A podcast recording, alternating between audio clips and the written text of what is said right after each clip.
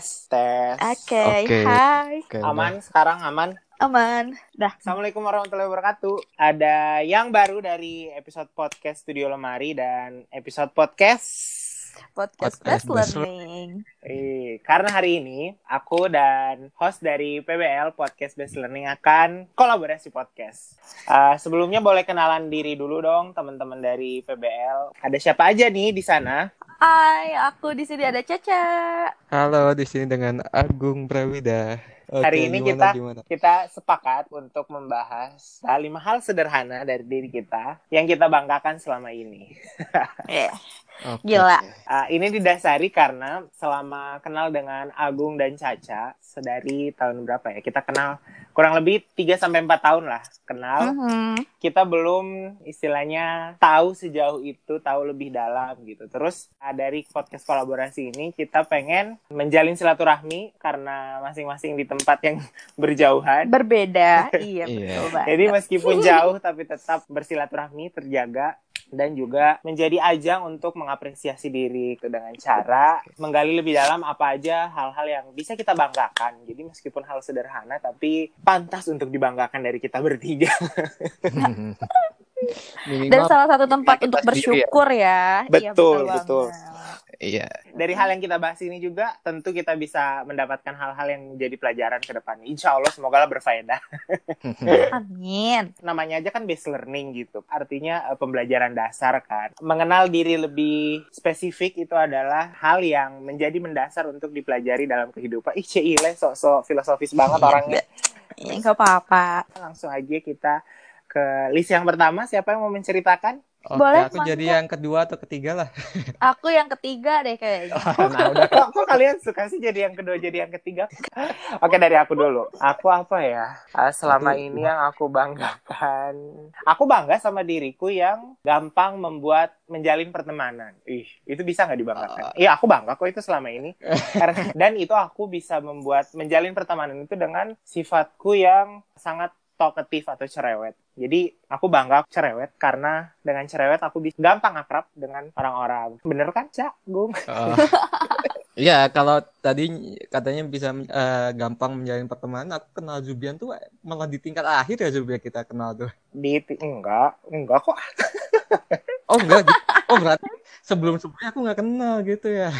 Aku tuh udah notice Mas Agung karena dulu tuh ada yang cerita. Jadi di kelasnya kalian itu tuh ada dua orang yang namanya lucu, Mas Hadi dan eh, apa anak Agung Brawi, anak Agung ya, anak Agung yang namanya ya, Iya. ya eh, lucu gitu. Kupikir awalnya Agung tuh orang Bali, soalnya namanya gitu kan, ada eh, unsur-unsur kayak kebali-baliannya gitu. Ternyata bukan.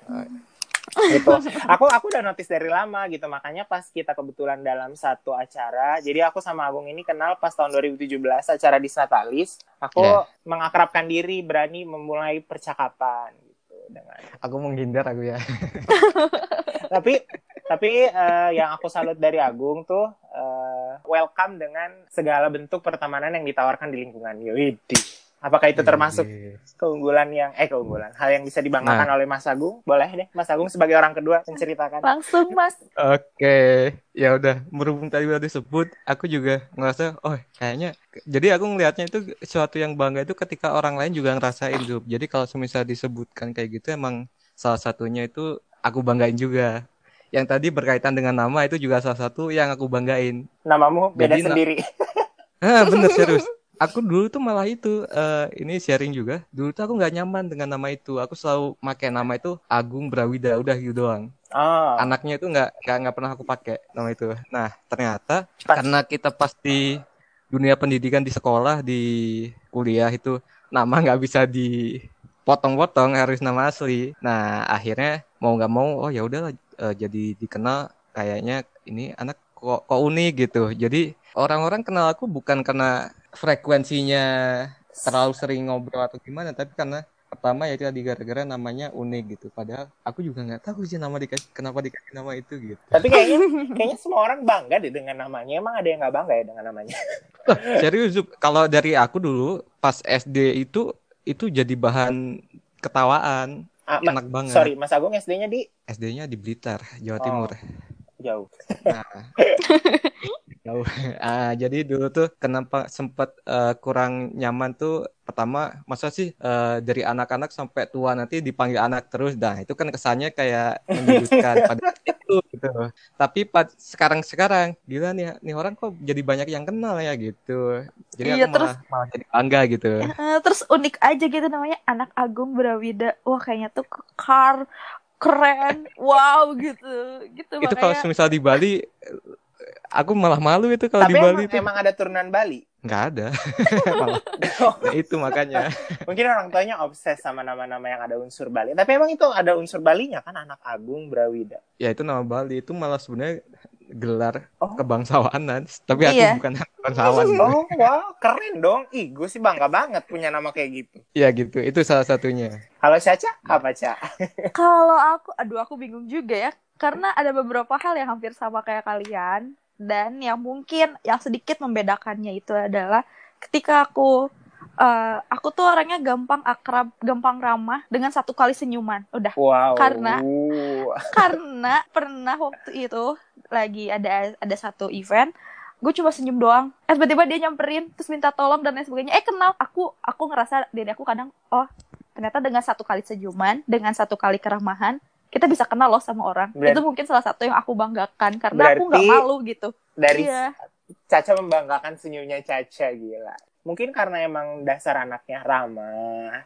Terus amin ya Allah ah, ya itu tadi senyumnya itu istilahnya ada Iya. magnet kuat. Dia dengan senyum Iya. doang, udah dimulai dari senyum bisa kenal sampai sejauh ini. Widih. iya emang emang nggak tahu kenapa mungkin nggak tahu kepedean atau gimana ya. Pokoknya tiap kalau ada orang yang nggak kenal terus senyum aja. Eh tiba-tiba dia langsung eh cak eh eh teh kalau bahasa Sundanya gitu ya. Eh mbak eh, oh eh, iya, Iya, gimana? Nah, ya mungkin itu salah satu kebanggaan dari aku. Cuman ya nggak tahu sih ya itu pedenya aku aja Menurut aku sih bener sih Cak, kayaknya Cak. Tapi aku aku mengakui, aku mengakui, aku pun mengakui. ya ampun Eh. diakui dong Confirmed berarti. Iya. Confirm Ya, berarti confirm ya. senyummu itu adalah hal yang patut dibanggakan. Sederhana kan, Iya. cuman sebatas senyum tapi sederhana iya bener sampai aku dulu sempat mau kerja di salah satu perusahaan karena aku orangnya senyum senyum terus ramah aku diterima dong Oke. Salah satu modal itu nanti. modal salah satu kuat. modal Modal kuat. Sumpah, asli oh ternyata dari situ jadi oh itu ternyata salah satu kelebihan aku ya gitu cuman yang nggak tahu sih aku juga sangat mengkonfirmasi tentang hal-hal keunggulan dari kalian loh se- selama aku tadi mendengarkan dan emang iya Oke, itu yang poin pertama. Oke, yang pertama ya Jadi tadi aku karena cerewetku, Mas Agung membanggakan namanya yang keren, dan Caca membanggakan senyumnya yang punya magnet tersendiri.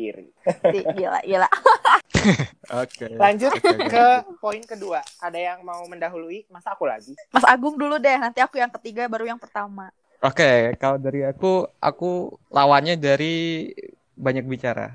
Aku malah nggak nggak terbiasa bicara dan cenderung orangnya oke pendiam bisa dikatakan. Tapi dari kalau pendiam kan kesannya pasif. Tapi aku orangnya mendengar. Iya kan biasanya tuh diam itu ini anak ada apa sih? Oh, berarti mungkin diamnya Mas Agung itu adalah diam-diam memperhatikan. Aduh, jadi tersipu malu kita diperhatikan sama Mas Agung.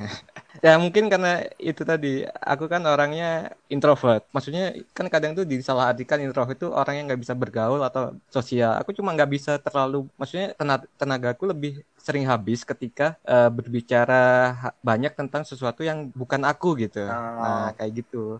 Nah akhirnya daripada aku energiku habis ya udahlah aku ngedengerin habis itu sambil-sambil belajar juga kan nah dari kebiasaan ngedengerin itu jadi aku kayak gila perspektif orang itu macam-macam ya banyak banget gitu dan aku bangga banget dengan itu karena bisa dengerin banyak orang bisa ngambil pelajaran dari banyak orang ya itu sih salah satu yang Hmm. yang merasa aku bangga dengan diriku gitu Tapi tahu nggak Oh, Mas gitu. Agung? Biasanya orang kalau yang eh, lebih banyak diam atau enggak lebih sering mendengarkan, giliran dia ngomong, itu tuh orang-orang pasti pada negerin. Dan itu terjadi pada aku dan Caca. pada saat Mas Agung ngomong, kita benar-benar diam. Merhatiin gak sih? Merhatiin nggak? Terus aku, aku, aku, aku baru sadar pas, eh kok, kok kosong banget. Makanya aku masuk masukin Kita. Mm-mm. iya perhatiin. Gitu emang berarti emang ada magnet kuat gitu. Emang biasanya itu orang-orang yang lebih sering ngomong eh lebih sering mendengarkan ketika dia ngomong itu tuh mungkin kayaknya alam merespon dengan baik untuk pasang telinga terhadap apa yang diomongkan gitu. Karena tadi jujur aku baru ngehnya tuh setelah Mas Agung udah ngomong panjang, eh kosong banget ini makanya aku masuk masukin suara, "Mm-mm, mm-mm." biar nggak kosong banget gitu kesannya gitu. Oke. Berarti poinnya adalah Mas Agung bangga dengan dirinya yang eh, suka mendengarkan. Kalau dari Caca? aku sih jujur ya ini agak nyeleneh banget. Apa ya? Setia akan satu komitmen alias bucin banget aing. Aduh, aku jadi Oke. jadi pengakuan ya, jadi pengakuan. jujur aku aku masuk PD karena aku orangnya setia akan komitmen. Meski eh, sekalipun tuh sama sahabat sendiri. Kalau kalian tahu, aku rata-rata sahabat deket banget tuh cowok semuanya. Kayak Mas Agung, Billy, terus sekarang Purnama Ah, ada, ah. Wildan, yang gitu-gitu. Itu tuh semua cowok. Gak tahu kenapa. Dan aku- mungkin kalian tahu sendiri lah ya. Aku jujur, jujur nih. aku aku Iya, no comment aku ya. no comment. Ah soal itu. komen ya. Dan eh, bisa dilihat dari dulu waktu SMA aku pacaran tiga tahun. Dan aku ditinggal. Oke. Karena itu aku apa aku harus setia dong sama komitmen. Oke yang kedua aku uh, Ah. udah mau hampir lima tahun sama yang sekarang ya karena dianya setia sama komitmen aku ya aku juga setia ya udah itu. itu itu salah satu kelebihan aku gak tahu kenapa aku kayak pede banget Mantap, mantap. Bahasanya Gimana ya, gini deh, gimana ya? jangan setiakan satu komitmen. Suka dengan apa? Suka nah dengan apa boleh yang namanya boleh komitmen. ya jadi seneng Widih. gitu sama komitmen penting juga sih hal kayak gini ya ditumbuhkan dalam diri gitu ditanamkan dalam diri gitu dan alhamdulillah Eh, Caca udah punya gitu. Ya udah sih itu ya udah kayaknya itu udah deh jangan dibahas lagi kalau Zubian apa nih yang kedua ini kira-kira nih aku apa ya? Oke. kedua aku orangnya apa ya ini sebenarnya bad habit tapi somehow ada hikmah di balik ini. Aku tuh suka sama istilahnya eh, adu Ya mulut dan konflik. Jangan itu deh aku Eh, anaknya eh, berani. eh, ya. itu aku membanggakan sisi dari aku yang berani karena eh, di saat orang lain misalnya ini berani apa tegas? Aku nggak bisa bedain. Di saat ada satu kejadian misalnya orang-orang nggak bisa ngomong buat negur buat apa Pasti aku jadi garda terdepan garda terdepan. Iya sih. Emang kelihatan kok dari postur, dari wajah juga kamu Aku- udah kayak oh my god kayaknya serem nih. Lebih bukan, tegas bukan ya, sih, iya. maksudnya lebih kayak ke aku tuh berani ngungkapin Suka. apa yang Mm-mm, tidak aku tidak sesuai dengan pikiranku. Dulu aku SMA pernah gelut sama Oh my God. angkot Sarijadi Guys, Ciroyong. gelut itu berantem ya. Gelut, re Karena- berantem. Iya, berantem, sorry, sorry, berantem. Gimana gimana tuh? Soalnya, jadi di kondisi pasar, tau lah Sarijadi Ciroyom kan ngetemnya di pasar Mhm. Sarijadi itu Cibogo. Dia Hmm. itu ngetem pas di tengah. Terus karena itu menurutku itu nggak sesuai di pikiran, istilahnya nggak sesuai di nalar manusia mana pun, dia ngetem di tengah jalan yang mana itu pasar dan lagi rame, tak tegur lah. Tak mikir dong, mana ada ngetem di tengah jalan. Dan sangat lupa dirinya aku, aku tuh lupa dan nggak tahu kalau mayoritas dari pengemudi uh, angkot rute itu adalah orang-orang Batak yang kalau digas di bakal ngegas balik. Itu mah dia ngejar Terus dong. kamu lagi pakai apa tuh? Pakai motor apa jalan apa gimana? Aku jalan kaki, aku jalan kaki. Maksudnya, aku kenapa bisa sampai ngomong kayak gitu? Karena jalan kaki aja udah macet, Oh. dibikin sama nih angkot. Apalagi yang naik motor, motor-motor tuh pada klaksonin. Dan mang angkot ini tuh mang- masih manggilin orang-orang yang ayo neng, ayo neng gitu, Oh. langsung jalan, langsung jalan gitu. Akhirnya macet, aku ngomong lah. Di saat yang lain cuman, maksudnya ibu-ibu yang lain, ada ibu-ibu yang lain yang lewat cuman kayak ngedelekin gitu. Aku mah ngomong, chat dibales lah sama si bapak diteriakin gitulah terus dikejar lah aku akhirnya terus ya udah lari aja jadi sampai sekarang aku masih takut buat Karena takut dapat dapat supirnya itu ya. serius iya per- takut dapat itu nggak ada Julian nggak ada akhlak Kalau aku lihat tuh Iya, itu artinya. Julian tuh orangnya care gitu. Mm-mm. Jadi sama sosial Iya, gitu sebentar gitu, orang sosial ininya tuh bagus gitu. Sebenarnya untuk kebaikan, Hmm, iya. kali Karena kan ya kalau nggak digituin ya nggak akan Kali. Terus- akan selesai-selesai dong itu permasalahan. Malah akan, mungkin iya, akan ada benar. permasalahan yang baru. itu tapi ya intinya intinya aku adalah orang yang berani mengungkapkan apa eh, istilahnya menegur jika ada hal-hal yang tidak Mhm. sesuai di otakku gitu tidak sesuai dengan nalar pikiranku Hmm, gitu ya. itu dari aku Oke. untuk poin kedua Oke. poin ketiga Oke, tadi Caca poin ketiga ya, muter gitu ya, muternya lucu banget. Muter ya. Kalau poin ketiganya dari aku, aku orangnya termasuk orang yang multi talent gila. oh iya Yang pertama, Oke. aku Iya benar-benar. kerja waktu itu aku kerja di salah satu startup kerja tapi aku juga punya bisnis sendiri terus udah gitu sampai dalam waktu Wow. satu minggu aku nggak ada waktu libur gak ada waktu istirahat kayak waktu istirahatnya itu paling di hari-hari weekday dan hari weekday itu di jam tidur aja jam tidur biasa itu itu itu istirahat sisanya tuh kayak sabtu minggu tuh ya udah sabtu minggu kan ya karena usaha aku di bidang wedding kan ya orang-orang nikah hari sabtu minggu ya jadi sabtu minggu tuh dipenuhin sama waktu Iya. nikah nih Hmm. nikah Terus udah gitu sampai ya mungkin multi talentnya aku, seneng sama itu gitu multi talent terus waktu itu aku kerja di salah satu startup tapi masih ada perusahaan lain yang manggil buat jadi freelance. Kayak gitu. Jadi kayak ah, aku bangga sama diri aku sendiri. Aku bisa eh, apa namanya mencakup mengerjakan beberapa hal. Mengerjakan tapi yang beberapa salahnya gitu. itu adalah aku jadi nggak fokus itu aja sih tapi satu sisi aku jadi ngena nih oh dari sini hikmahnya ini dari ini hikmahnya ini dari ini hikmahnya ini aku Ah. bisa nih kayak gini itu sih Berarti passionate di beberapa bidang. kamu insya ya. Allah ya Caca. aja Orangnya kayaknya ini deh kali, lebih ke Uh-uh. generalis gitu. Generalis Iya, iya. kan gitu. Biasanya ada hal-hal istilahnya eh, dia bisa segala hal, tapi hal-hal mendetail dia butuh support. Ah, ya nggak sih, yes. Aku bisa handle, misalnya aku Uh-uh. bisa organize wedding, tapi untuk misalnya kayak detail dekorasi panggung aku Iya, masih butuh iya. orang. Jadi gitu, kayak kalau bahasa ininya Kayak tuh gitu. kalau strategis gitu loh jadi bukan spesialis tapi strategis jadi kayak Ah, aku tahu secara keseluruhan Ah, I see. tapi secara mendetail aku juga butuh support atau butuh vendor lain dan butuh teman-teman yang lain buat support aku gitu Ya kalau dari aku ngeliat cacanya juga kayak gitu. Kan kita Iya. juga kerjasama nih Zup ya Iya. di iya eh, Iya, berbagai lini istilahnya gitu. betul Eh, sorry nih, mungkin siapa Hmm. tahu nih pendengar dari podcast Studio Lemari ada yang butuh mencari WO. Boleh deh sekalian kalian promosi nama WO kalian apa wedding organizer kalian? kalau kita itu kebetulan namanya di teman cerita organizer Wih. Ada ada Instagramnya? ada ada di di teman.cerita.kita Ada. gitu. jadi Oh, secara konsep tuh WO-nya tuh kayak lebih jangan hanya tentang menjual jasa gitu tapi kayak gue jadi listener lo nih lo mau nikah lo gak boleh ribet lo cerita deh sama gue gue bantuin Hmm. nikahan gitu sih Bisa. nah buat tuh nah kami gitu. hadir sebagai solusi Iya pernikahan gitu, Anda. betul sekali. Nah buat teman-teman juga nih yang mau ngadain event, mau ngadain acara apa pun atau butuh talent-talent nih Zubian nih jagonya nih. Jadi Di- promosi di- juga nih kita. Iya nggak apa-apa karena kan orang-orang pasti nggak denger. Oh iya ya ternyata gitu. Ah, Eh satu lagi satu lagi promo buat yang butuh desain, desain grafis, art ada Mas Agung. Siap. Ya, Eh lupa temen, satu. teman-temanku tuh keren ya ternyata ya gue bangga Iya. deh punya teman-teman yang keren. Aduh. Alhamdulillah ya kita Oke. saling support ya. Itu poin ketiga dari Caca. Sorry, Mm-mm. aduh. Aku Sekarang ketiga apa tiga ya? Zubian. Ah, jadi mikir kan. Sorry, sorry, sorry. Kayaknya aku tuh bangga dengan multitaskingku, tapi di sisi mendengarkan. Kayak Hmm. dulu tuh aku di satu organisasi, eh, orang tuh eh, mungkin karena aku cerewet ya, jadi kok aku dikasih istilah telinga di mana-mana, Eh, mulut gila. mulut ke mana-mana.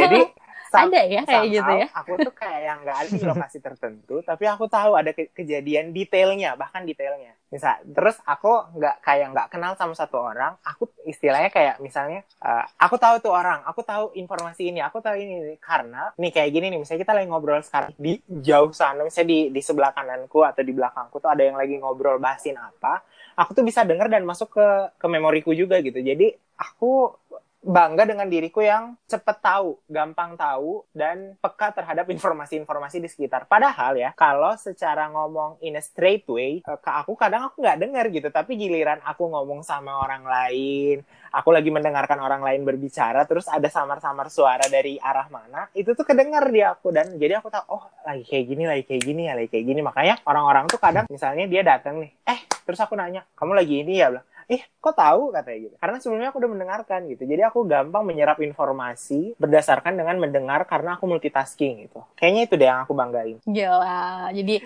Jubian segala tahu lah ya istilahnya enggak mah ya. segala tahu juga sih cuman Iya, kayaknya aku lebih peka terhadap informasi-informasi di Peka sekitar. gitu ya. Agung nih sekarang poin ketiga apa? Yang ketiga tuh, jadi aku tuh kayak punya, jadi otakku itu punya lawan bicara itu, karena aku orang yang nggak terlalu suk, buka, nggak terlalu punya tenaga di keramaian gitu ya. Satu-satunya teman itu adalah diriku sendiri gitu. Jadi intinya adalah kayak kalau Hmm. misal aku lagi down, ya udah aku yang nyemangatin gitu. Tapi kalau Mhm. ketika aku lagi- lagi tinggi tingginya gitu, lagi semangat semangat, aku harus netralisir. Hmm. Oh, kamu harus realistis juga gitu. Jadi kayak jadi salah satu kebanggaan di mana aku Mm-mm. bisa mengenal lebih jauh gitu kayaknya gitu. Oh ternyata aku nggak suka ini ya. Oh ternyata kalau aku ketemu di bidang ini, cara aku ngerespon tuh kayak gini ya. Jadi lebih kayak gitu sih.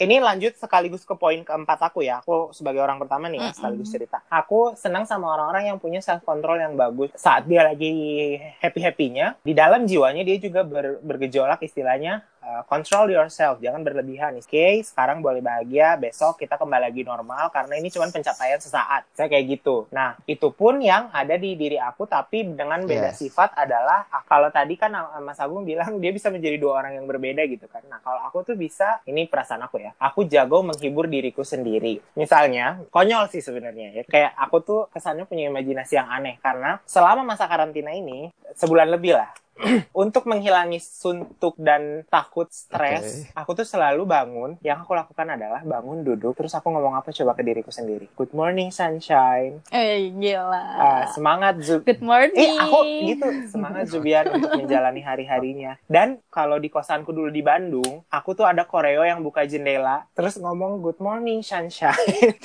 Kayak orang gila gitu. Kayak Tapi itu tuh menjadi penghibur buat diriku sendiri. Karena aku bisa menertawakan hal-hal lucu dalam hidupku gitu. Gitu sih kalau dari aku. Okay. Karena yang bisa diandalkan tuh ya diri kita gila, sendiri. itu kita itu bisa ngandelin orang itu lain, banget, betul nggak? Retweet, retweet. Iya, iya makanya betul banget Job. Emang itu emang harus harus udah mulai tertanam di diri kita masing-masing nih. Kalau kita tuh harus sadar bahwa kita nggak bisa ngandelin orang lain. Ish. Kita hanya bisa mengendalikan diri kita sendiri dan kita hanya bisa mengandalkan diri kita sendiri.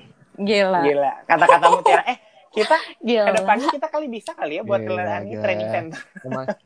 Iya boleh, yuk kita bertiga kita buat kayak apa sih? Aduh nggak boleh nyebut merek ya, training, maaf. Training center gitu loh, yang ini iya, boleh, ada yang boleh. motivasi, uh, Ka iya, yang kayak waktu kita semester satu itu. Karakter buildingnya iya. kan kayak yang kupu-kupu itu kan. Iya, iya betul sekali. Kita gak boleh me nebut merek ya. Kecuali brand sendiri kayak tadi kalian. Nah, iya. Itu poin keempat dari iya, aku. Betul. Siapa yang mau mulai poin keempat itu Caca mungkin? Dari Mas Agung deh. Okay. Kita muter aja kayak tadi. Oke, okay, kayak spontan ya. Aduh, poin keempat aku nganggep diriku nggak jago di apa pun dan nggak pintar di apa pun. Jadi kayak nah, merasa nah, ini tuh ya? kurang gitu. Orang-orangnya kayak nggak merasa puas Membumi gitu. Lah. Iya benar. Membumi benar, lah ya istilahnya. Aku orangnya suka di bidang desain sama multimedia. Pada saat itu itu cuma bisanya cuma ngedesain doang, desain sama fotografi aja gitu. Abis itu semakin abis itu ke, ke waktu kuliah sampai sekarang itu tuh nggak cukup ternyata aku harus bisa video juga gitu habis itu itu nggak cukup aku harus bisa bikin narasi buat diriku sendiri gitu oke okay. nah, uh, jadi aku kan aku punya kayak narasi besar buat okay. diriku sendiri gitu jadi aku hmm. pengen jadi aktor dari ceritaku sendiri gitu aku nggak pengen nggak pengen hmm. jadi aktor di cerita orang lain gitu maka dari itu aku harus belajar kan ini udah nih aku belum uh, eh, SMA aku belum bisa ngapa-ngapain habis itu punya kemampuan di bidang tertentu di bidang desain ya udah aku mulai dari situ pelajari berarti ini ya orangnya nggak gampang gitu. puas gitu. jadi jadi, terus intinya... mengupgrade dirinya. Ini harusnya kayaknya semua orang harus punya sifat kayak gini deh. Patut dicontoh deh Mas Agung ini jadi ini patut dicontoh sih emang hal-hal uh, kalau setiap uh, ada teman-teman dari pendengar kita juga ini punya sifat kayak gini kalian harus membanggakan sifat itu. Karena sifat inilah yang membuat orang menjadi terus maju lagi gitu. Menjadi uh, pribadi yang terus berkembang gitu. Mungkin kayaknya aku mentok karena aku gitu gampang puas orangnya. Aku harus belajar deh. Aku harus introspeksi diri deh aku Eh intinya itulah. Intinya juga sama kayak gitu masih, juga yang Yubian uh, Mas Agung ini membanggakan dirinya yang suka mempelajari, suka untuk terus belajar gitu. Kalau Caca? Oke. Okay. Apa ya? Yes. Poin keempat ya. Mm -mm. Poin keempat yang Poin keempat ya? Apa ya? Bisa aku bang. Aku termasuk orang yang mandiri sih. Oi. Karena apa yang tadi aku bilang itu adalah salah satu moto aku. Oh. Aku nggak bisa ngandelin orang lain. Aku harus bisa ngandelin diri aku sendiri. Mm -hmm. Itu satu. Jadi aku harus bisa mandiri dan aku bangga akan kemandirian itu. Kayak gila. Aku jujur ya aku tuh aku tuh seneng banget yang namanya jalan-jalan pakai bus Berarti... kota bus damri. Sama aku juga suka bus banget. Dam bus damri itu kan sekarang enak iya. ya. Oh. enak adem nggak capek. Uh. terus senang aja gitu ngeliat kiri kanan gitu. Tapi ngomong-ngomong soal ini soal naik kendaraan umum bus kota aku suka banget juga kok. Tapi bus aja gitu kalau nah, angkot nggak begitu aku sih. semua sih kayaknya kalau aku naik angkot pun iya. suka. oh gila. Uh, cuman menghindari angkot rute Sari jadi Ciroyom. Sari jadi Ciroyom ya. Iya nggak apa-apa. Ada traumatik sendiri gitu apa, apa nah ini poin keempat. Berarti poin terakhir aku ya? Poin poin kelima. Aku opening gitu. Eh. Opening poin kelima aku apa ya poin terakhirku ya. yang bisa aku banggakan harus hal sederhana harus hal sederhana apa ya aku ngerasa dengan sosokku yang hangat orang-orang tuh gampang apa ya istilahnya gampang sayang sama apa ih najis banget dengernya yeah. Enggak sih, Ya. tapi aku ngerasa kayak gitu kayak uh, karena aku sosoknya yang hangat, aku ngerasa aku sosok memiliki kepribadian yang hangat. Istilahnya sama orang lain tuh aku bisa merangkul, aku gampang uh, masuk ke frekuensi mereka gitu sehingga orang-orang tuh gampang uh, istilahnya Nyaah uh, gitu nya- bahasa iya, Sundanya iya. mah Buat ya. teman-teman pendengar yang dari Sunda tahu lah istilahnya nyaah itu apa. Kita nggak bisa jelasin dalam bahasa Mm-mm. Indonesia istilahnya nyaah gitu. Mm-mm, nyaah gitu. Jadi bukan dalam hal, hal artian yang sayang bucin Eh, eh, gitu, bukan, bukan, tapi tapi kayak yang gitu. Uh, iya gitu kayak misalnya nih uh, aku bisa di kayak bisa menjadi orang yang seperti dianggap anak sendiri oleh orang tua lain. Nah, aku tuh rapot selalu ketahan, ketunda, Uh, nggak bisa diambil karena aku orang tua dan waliku nggak ada gitu kan.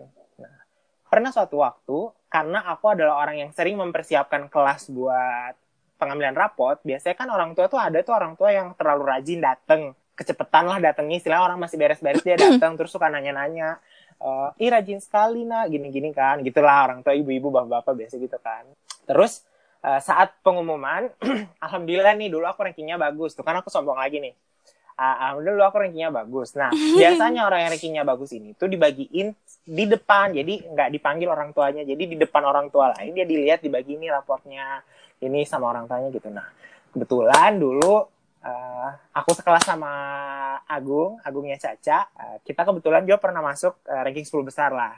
Terus dipanggil, saat aku dipanggil, itu tuh orang tua aku kan nggak ada, waliku juga nggak ada. Wali kelasku tuh cuma ngomong kayak gini. Nah, jadi gini ya Bapak Ibu, kebetulan anak kami ini, Zubian ini perantau, jadi tidak ada eh, orang tua atau walinya.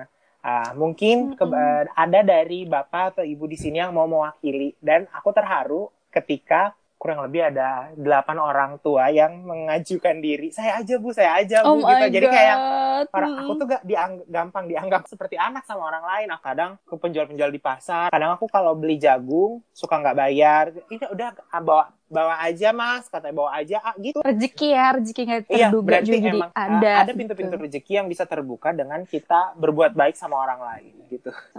Lanjut ke siapa nih? Caca Tadi dulu. belum sih? Oh, aku. Aku Oke, aku bangga sama diri aku yang perfeksionis. Karena aku seneng banget hal-hal detail tuh harus ada gitu detailnya. Jadi gimana ya? Bener-bener detail gitu aku tuh orangnya karena si detail itu tuh akan kepake di waktu yang akan datang gitu. Jadi kita tuh nggak bisa kayak ya udahlah asal aja gimana nanti aja. Nggak, aku tuh nggak bisa gitu. Aku tuh harus tahu nanti kalau misalkan ada problem atau ada case A, berarti aku harus ke sini. Kalau misalkan B, berarti aku harus gini, aku harus sini kayak gitu loh. Aku tuh orangnya gitu perfeksionis Hmm. makanya kalau aku sama Mas Agung itu kayak Mas aku Iya. tuh pengennya gini-gini loh. Aku tuh gini-gini. Wah, Caca ini perfeksionis banget ya. Emang iya. Oke, sekarang dari Mas Agung nih gimana nih? Hal Nutup nih Mas terakhir. Agung. aku tuh orang yang gimana ya maksudnya aku percaya dengan orang yang aku temui gitu terlepas pengalamannya gi- gimana aku kan nggak tahu maksudnya dia udah tahu posisinya di mana aku selalu aku selalu percaya gitu jadi kayak suatu kebanggaan ketika aku tidak terlalu matok standar buat orang lain gitu. Standar Hmm. sesuai standar. Dan sebaliknya dan sebaliknya aku juga nggak ikut standar orang lain. Aku orang yang percaya ke orang lain selama dia menjadi dirinya sendiri gitu. Mhm. bukan masalah pekerjaan atau masalah yang lain. Cuma ketika dia ngomong ini oh ini emang bener nih orangnya ngomong sesuatu yang emang datang dari dalam dirinya sendiri gitu. Nggak karena dia pengen gimana gimana Mhm.